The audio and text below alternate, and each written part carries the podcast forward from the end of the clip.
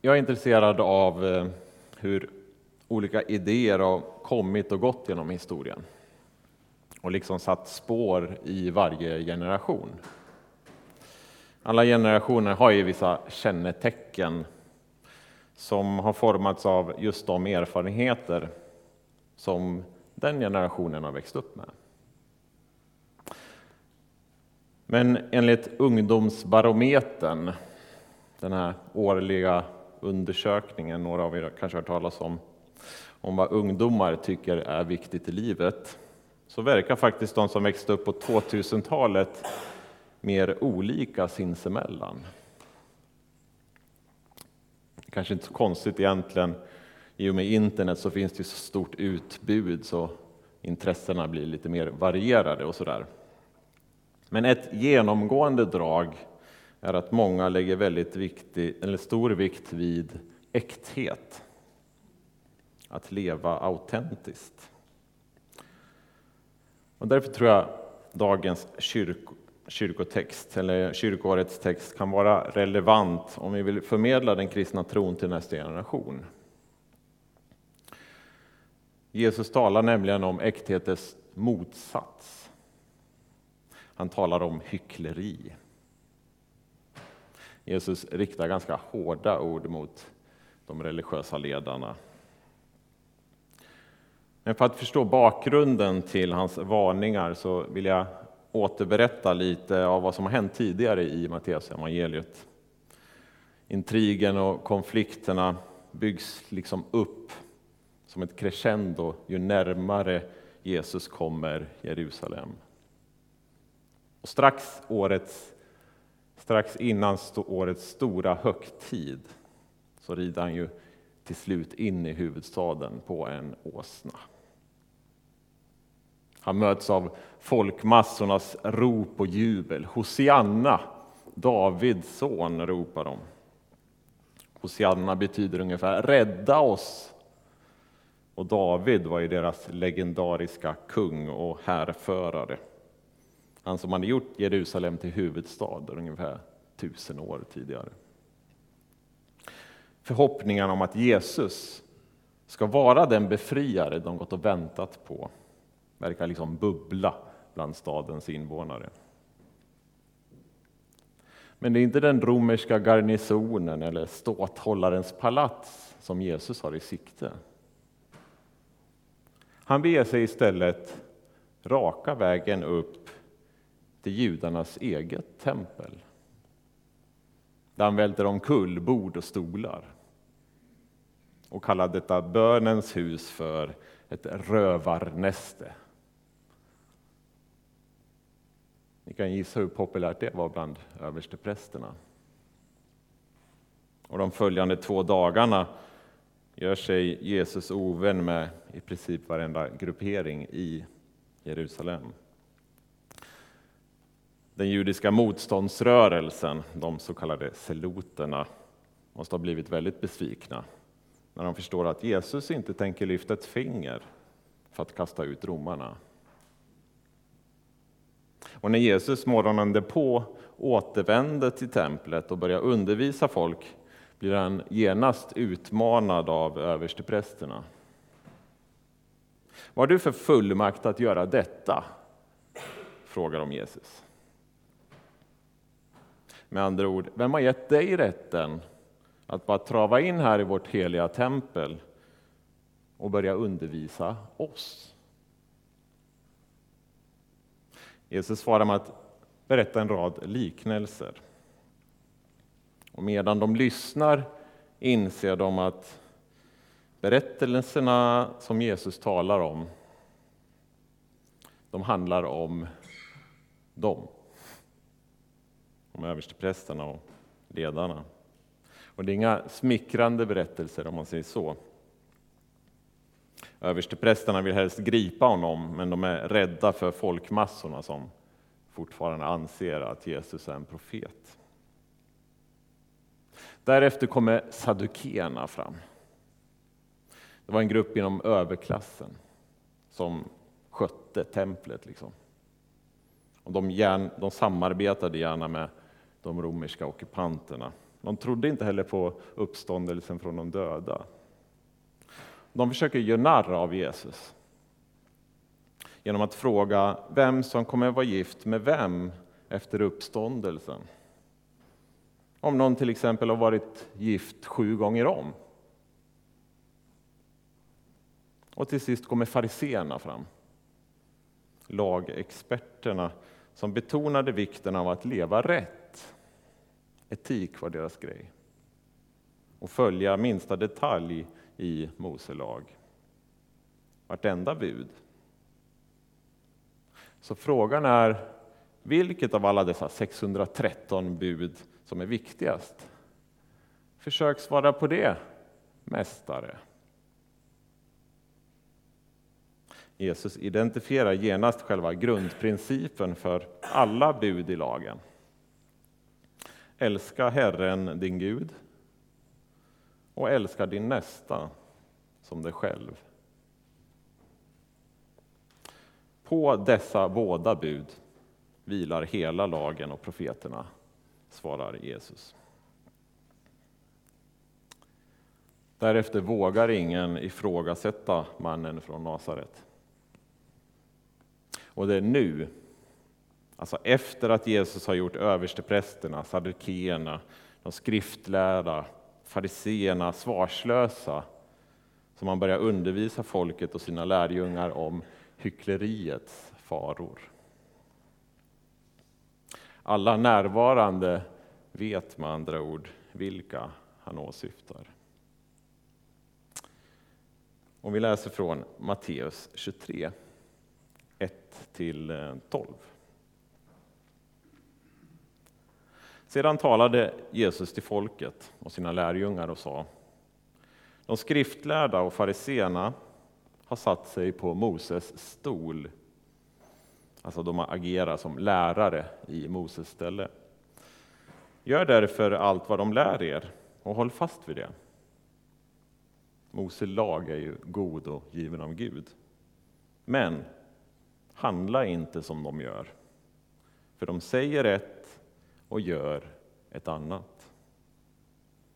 De binder ihop tunga bördor och lägger dem på människors axlar men själva rör de inte ett finger för att rätta till dem.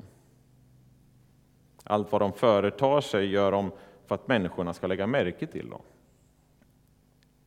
De skaffar sig breda böneremsor och stora manteltofsar. De tycker om att ha hedersplatsen på gästabuden och sitta främst i synagogan. Och de vill bli hälsade på torgen och kallas rabbi av alla människor. Men ni ska inte låta er kallas rabbi, ty en är er läromästare, och ni är alla bröder. Ni ska inte kalla någon här på jorden för er fader, ty en är er fader, han som är i himlen. Inte heller ska ni låta er kallas lärare, ty en är er lärare, Kristus. Den som är störst bland er ska vara de andras tjänare. Den som upphöjer sig ska bli förödmjukad. Och den som ödmjukar sig ska bli upphöjd.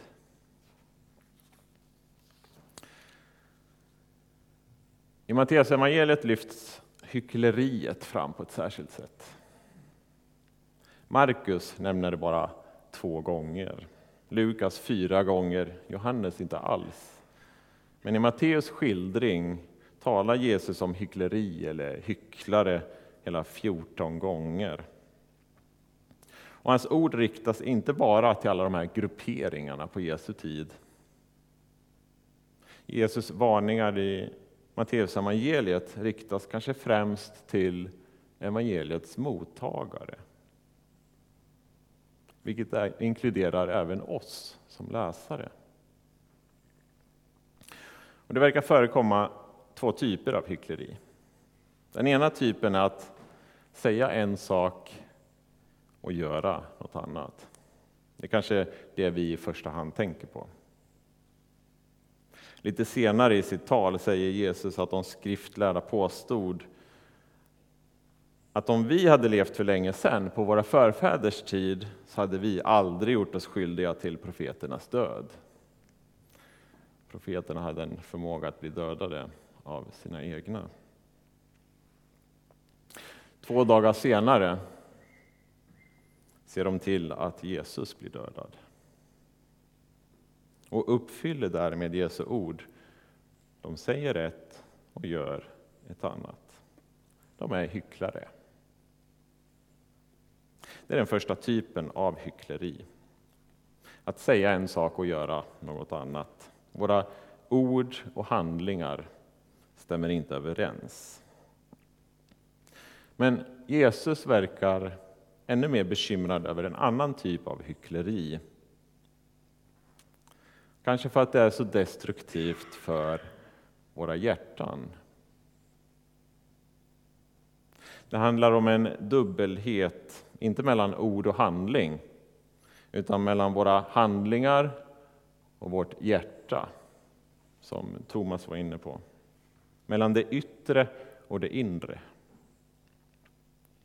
Alltså att sånt som vi gör och säger inför andra inte står överens med våra egentliga motiv. Jesus kritiserar ju fariseerna för att allt vad de företar sig gör de för att människorna ska lägga märke till dem. Han har inget emot att de försöker följa Mose lag. Frågan är varför de gör det. Och här tror jag att vi på all, alla på något plan kan känna igen oss. Eller jag känner mig åtminstone träffad, så om jag tar mig själv som exempel. De senaste åren har jag ägnat mig åt studier i teologi, läran om Gud, som det så ödmjukt heter. Men motiverades jag verkligen i till exempel mitt uppsatsskrivande av en önskan att lära känna Gud? Var det det som motiverade mig, som drev mig framåt? Eller ville jag kanske bli uppmärksammad för vad jag presterade och kunde visa upp för min omgivning?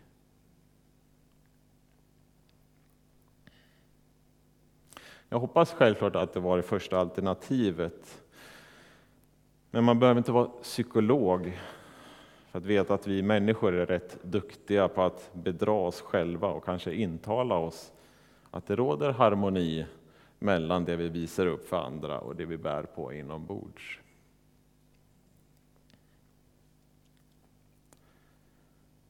Jag och Minna har inga egna barn, men jag har väldigt många syskonbarn. Och jag slås ofta av hur ohycklande små barn kan vara. De uttrycker liksom öppet vad de tycker och tänker. Ibland till föräldrarnas förtret kanske, eller hur? I det lilla barnet möter vi liksom inte en yttre fasad, utan personen själv ofiltrerad eller helhjärtad. Det tror jag hjälper även oss vuxna att ta av våra masker att riva en och annan hycklande fasad.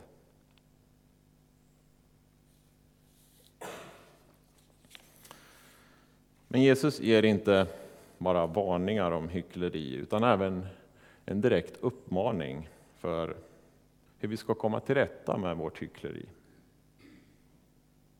Den här dissonansen mellan det vi gör och säger inför andra och våra egentliga motiv i hjärtat så att vi kan leva enligt Guds bud, alltså ett gott liv. Inte bara på ytan, utan ända in i vårt innersta. När Jesus talar om hyckleri i bergspredikan ger han den här enkla uppmaningen.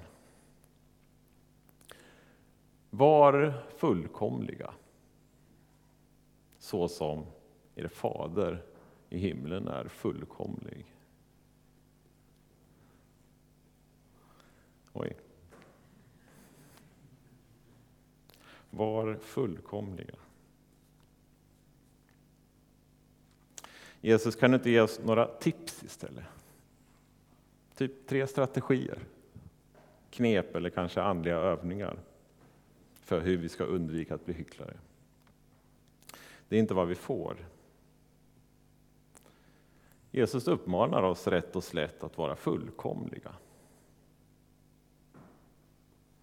Jag tror inte han bara syftar på ett moraliskt korrekt liv eller så, utan snarare om att vara den här helhjärtade personen utan dolda agendor som behandlar alla människor med en och samma kärlek.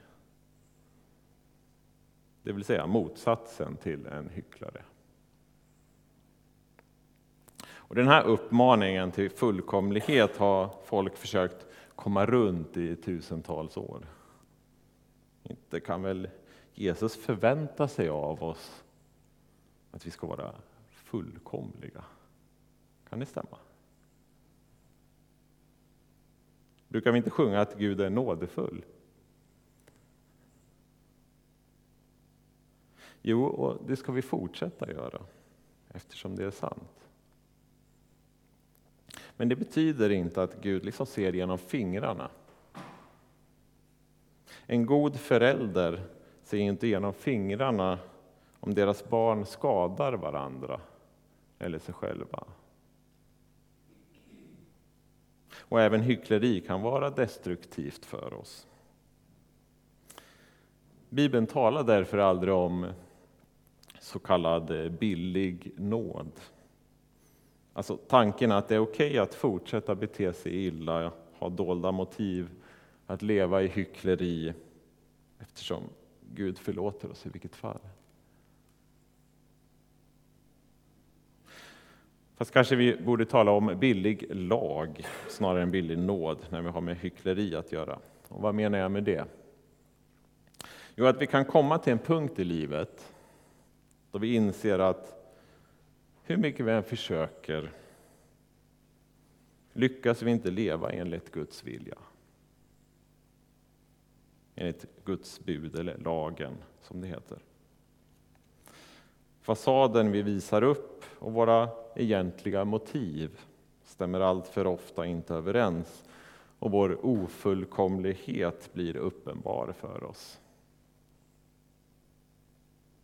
En vanlig instinkt då är att sänka ribban så att vi klarar av att leva upp till de krav vi tänker oss att Gud ställer på oss.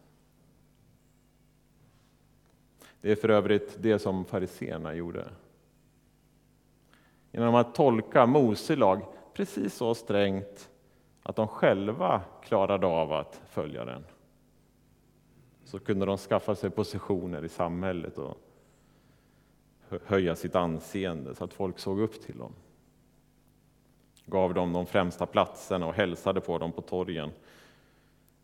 Och precis samma knep förekommer även än idag, även i kyrkan. Men problemet med allt det här är inte bara att vi så lätt fastnar i hyckleri. Jag tror att det Gud längtar efter är att hans budskap, hans evangelium om vad Jesus har gjort för dig och mig ska landa i våra hjärtan. Och därmed också i våra vardagsliv. Att vi inte bara ska sträva efter att bli fullkomliga på egen hand, utan istället lyfta blicken mot Jesus själv. Det vill säga mot honom som gav oss själva uppmaningen. Hebreerbrevet uppmanar oss att fästa blicken vid Jesus, trons upphovsman och lyssna nu, trons fullkomnare. Jesus har med andra ord redan uppfyllt uppmaningen till fullkomlighet. Det är det han gör på korset. På korset blir Jesus egen fullkomlighet liksom synlig för oss alla. Eftersom hans yttre gärning, vad han gör, han ger bokstavligen sitt liv och hans hjärta, vad han önskar och längtar efter, så tydligt drivs av och bultar med en och samma kärlek. Jesus är helhjärtad, utan minsta spår av hyckleri. Och detta liv ger han till alla dem som vill ta emot honom. I ljuset av korset inser vi att Jesus uppmaning till eh, fullkomlighet inte är något moraliskt krav riktat till hycklare från en krävande Gud, utan ett löfte om ett nytt liv från en fader som älskar sina barn. Ett nytt liv som leder till befrielse, till och med från vårt eget hyckleri. Eftersom Jesus ger sin fullkomlighet till de som vill följa honom. Han blir liksom vägen för oss att gå på. Det är inte en väg där vi själva försöker upphöja oss till någon slags moralisk fullkomlighet och på så sätt övervinna världens hyckleri. Den vägen gör bara vårt hyckleri större och större och svårare att göra oss fria ifrån. Jesu kors visar tvärtom vägen till det visar tvärtom att vägen till fullkomlighet, det vill säga bort från ett liv i hyckleri, inte är någon klättring uppåt, där vi försöker bli bättre och bättre. Det handlar om ett nedstigande, ett ödmjukande. Att sluta spela teater inför sig själv och andra.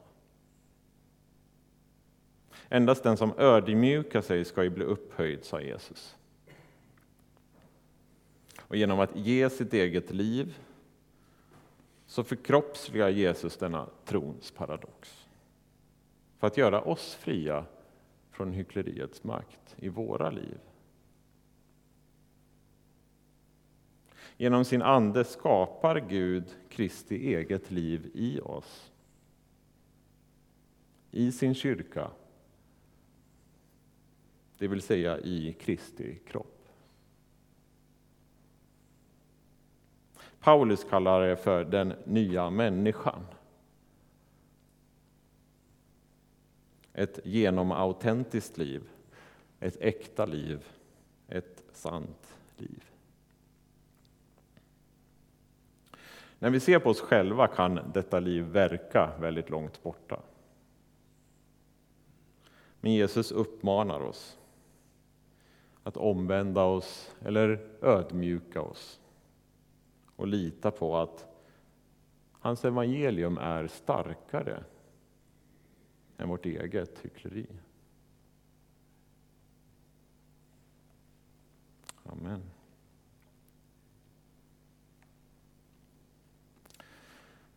Gud, tack för att du är trofast. Tack för att du genom din Ande vill skapa Jesu Kristi liv i din kyrka. Att vi får tillsammans följa Jesus. Öppna oss för vad du vill ha att säga i våra liv. Så att vi kan eh, sluta spela teater för oss själva eller för andra, utan att vi får hjälpa varandra att leva äkta liv, sanna liv. I Jesu efterföljd. Amen.